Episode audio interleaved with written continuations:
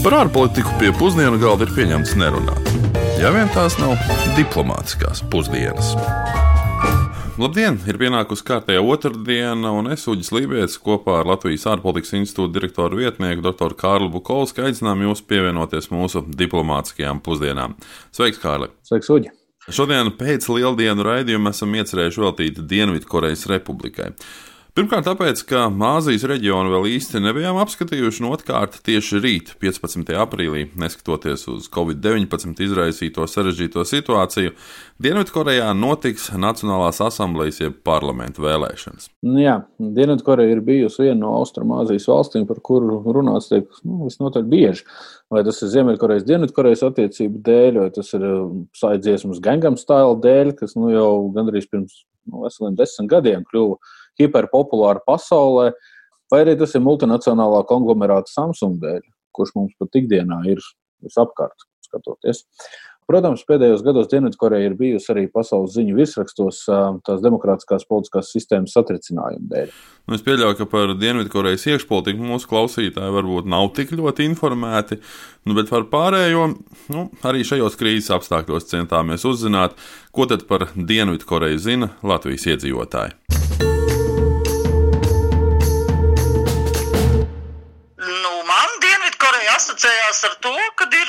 Galvaspilsēta Seula.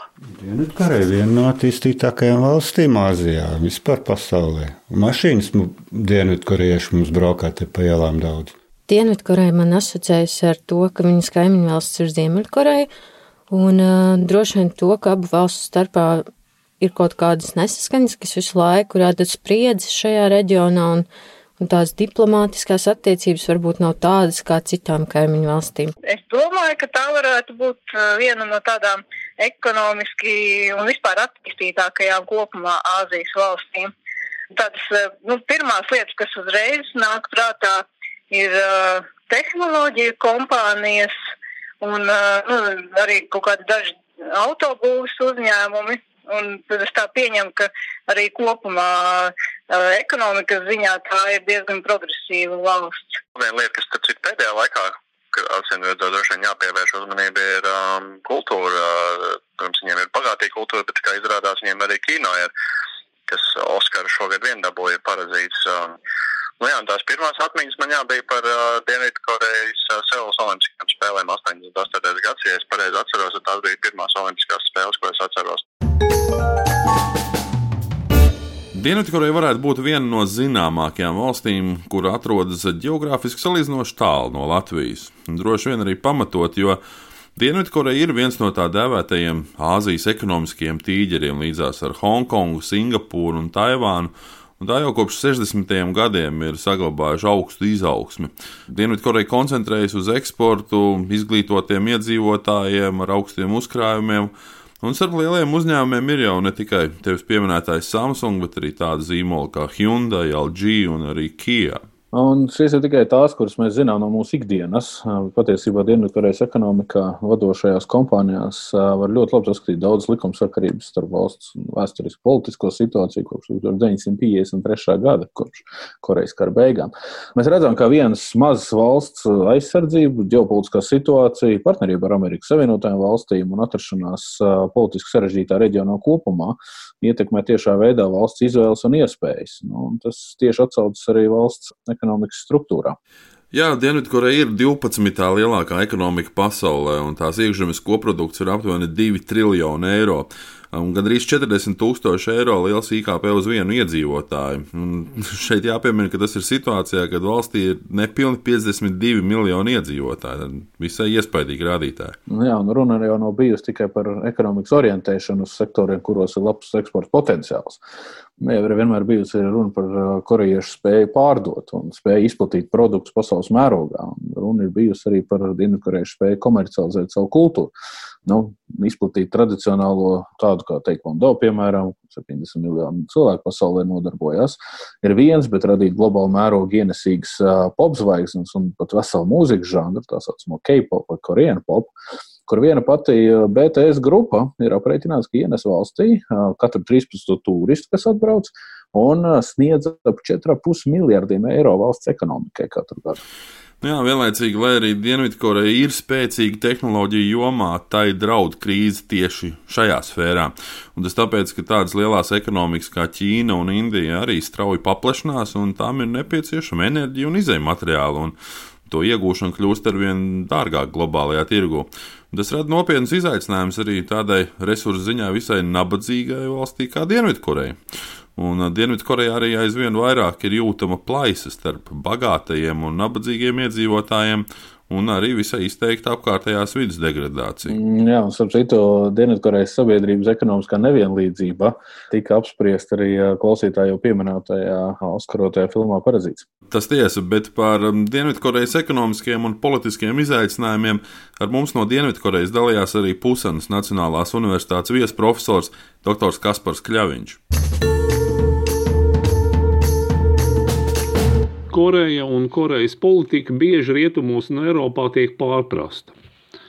Faktiski, jebkurš Korejas politiskais spēks mazāk pamanām vai atklātāk, ieskaitot patreiz valdošo demokrātisko partiju, ir atbalstījuši Korejas ekonomisko neatkarību. Neatkarīgi ne no kādām starptautisko padomdevēja rekomendācijām, nu, vienlaikus ar Korejas apvienošanos un iedzīvotāju sociālo aizsardzību, neatkarīgi no viņu statusa.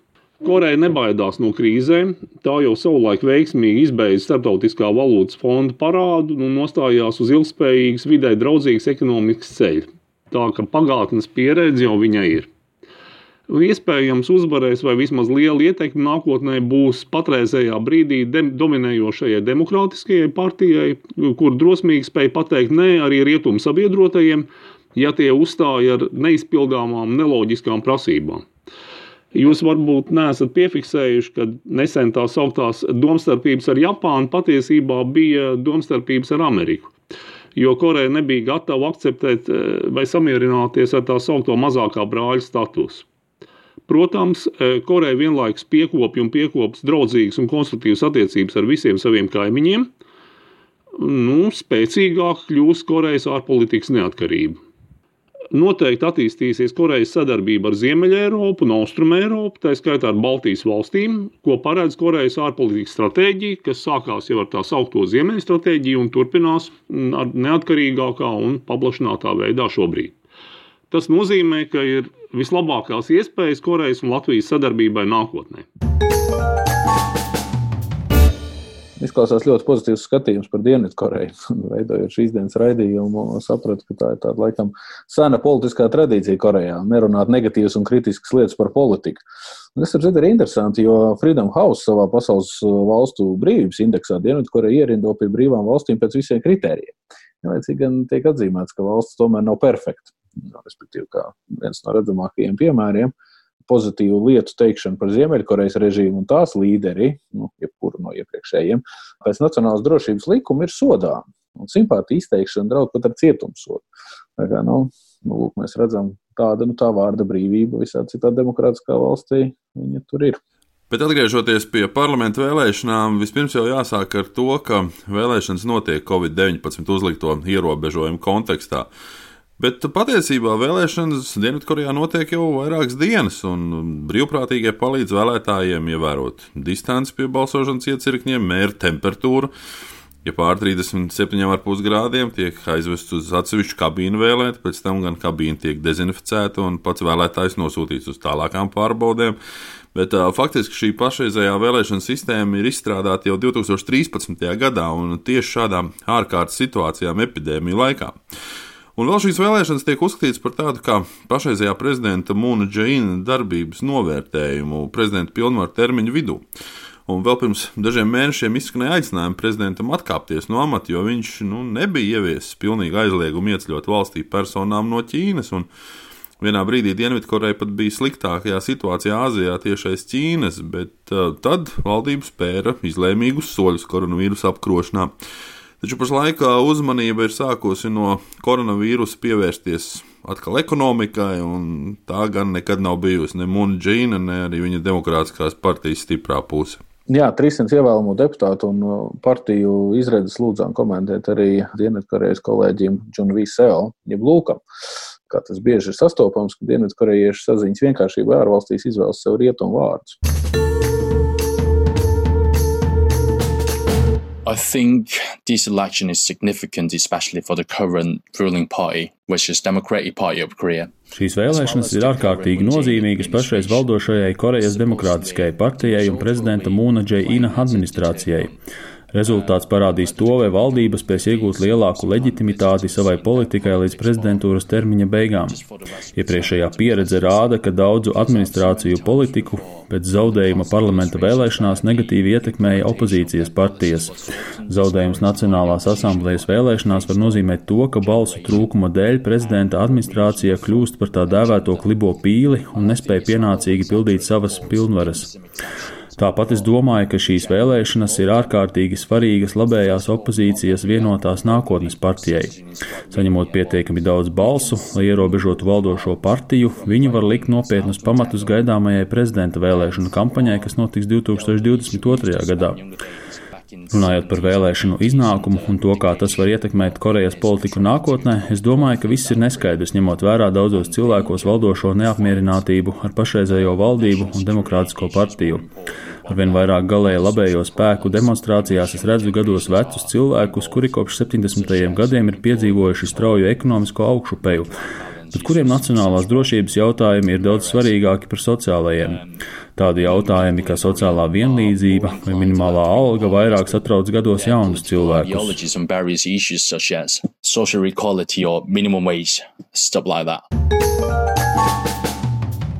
Un šī intervija arī ieskicē vēl vienu problēmu vēlēšanu kontekstā. Runa ir par reliģisko grupu politisko cīņu pret valsts prezidentu.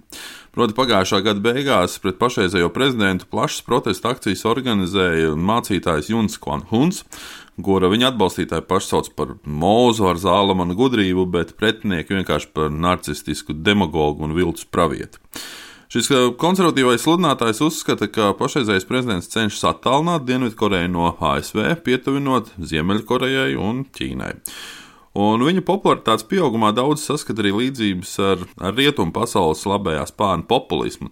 Tā ir apelēšana pie patriotisma, ideoloģiski un pret imigrantiem vērsti saukļi, um, dievu un tradīciju piesaukšana, um, alternatīva informācijas līdzekļu un sociālo tīklu izmantošana, baiļu sēšanai, par valsts sabrukumu un noslaucīšanu no zemes virsmas. Un, uh, Tojoties vēlēšanām, šie aicinājumi gan ir uh, samazinājušies, taču šādas protesta akcijas izkristalizēja sabiedrībā valdošo noskaņojumu, proti, vecākā paudze baidās no Ziemeļkorejas un tiek arī aktualizēts vājais ekonomiskais stāvoklis.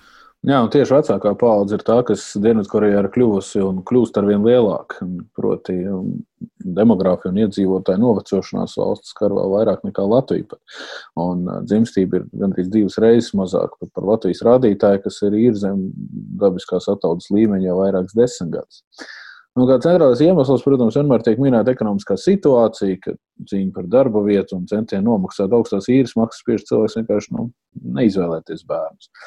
Bet um, vienlaicīgi šis parāda arī diezgan interesantu citu tendenci, manuprāt. Uh, proti, tas, ka, ja mēs tā paskatāmies pēdējo simtu gadu ietvaros, tad uh, bērni no ekonomiskā atbalsta, par ko tie tika uzskatīti, vēl gadsimtu atpakaļ ir kļuvuši par ekonomisko apgrūtinājumu. Un dažās Āzijas valstīs šim ekonomiskajam apgrūtinājumam, kā teici, kurš varbūt arī grib domāt par saviem bērniem, vēl ir arī jāuztur arī savi vecāki, un sievas un vīri vecāki. Jo pensiju daudzās valstīs vienkārši kā tādu nav. Dienvidkorejā gan situācija ir nedaudz labāka, jo tur valsts pensiju saņem gan arī 7% no visiem iedzīvotājiem, kas ir vecumā virs 60 gadiem. Nu jā, laikam jau rezumējums tāds, ka Dienvidkoreja ir kā parasti ikdienišķa valsts, bet nu, katrā lietā tā ir izņēmumi, un tie izņēmumi gan ir visnotaļ manāmi pat ekstrēmi. Lai cik būtu paēdis, vienmēr ir vieta arī desertam. Deserts mums šodien būs nedaudz raibāks, līdzīgi kā Lieldienu olas. Protams, šodien mēs katrs gribam vairākos faktos padalīties, jo tik, tieši tik raiba un interesanti mums šķiet Dienvidkorejā. Lūdzu, ar kuru tu gribi sākt? Nu, labi, uztaisīsim nelielas sacensības. To, kā Apple iPhone mikročipus ražo Samsung. Tu zināji, vai ne? Um, jā, šo es zināju. Tieši tāpat kā tu droši vien zini to, ka Dienvidkorejieši 99% gadījumu nešķērsos ielu pie sarkanās gaismas, pat ja mašīna ilgi nebūs tūma. Policistiem ļoti neizdevīgi gājēji. Seulas iedzīvotāji līdzīgi kā Tokijas rezidenti guļ vismazāk no visām pasaules lielajām pilsētām, proti, vidēji mazāk nekā 6 stundas diennaktī. Šeit mēs atkal atgriežamies pie lielās strādāšanas. Jā.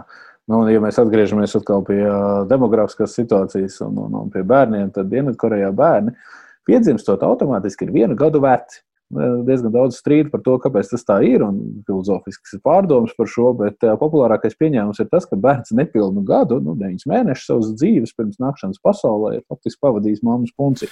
Un vēl atgriežoties arī pie raidījuma gaitā pieminētā reliģiskā aspekta, Dienvidkorejas Joido pilnā evaņģēlīja baznīca ir lielākā kongregācija pasaulē, un Seulā bāzētajai vasaras svētku draudzēji ir gandrīz 800 tūkstoši biedru, un svētdienās aptuveni 200 tūkstoši ticīgo apmeklē vienu no septiņiem dievkalpojumiem. Un papildus vēl 200 līdz 300 tūkstoši skatās tos arī televizorā vai arī satelīta draudzēs. Šādi varētu turpināt vēl ļoti ilgi. Varētu pieminēt, piemēram, ka līdzīgi kā rietumu pasaulē skaitlis 13 izraisa bailes, Korejā šis cipars ir 4. Respektīvi, bailes no cipara 4, jo rakstībā tas ir ļoti līdzīgs vārda nāve rakstībai. Tādēļ bieži viesnīcās nav stāvu 4, bet ir 13, piemēram. Jā, un lai mūsu faktiskais šodien nesasniegtu 13 um, raidījumu, mēs tomēr noslēgsim un novēlēsim jums arī turpmāk veselību un izturību, un uz sadzirdēšanos arī jau nākamajā nedēļā. Mm, lai izdodas! Diplomātiskās pusdienas katru otrdienu pusdienos Latvijas Radio 1.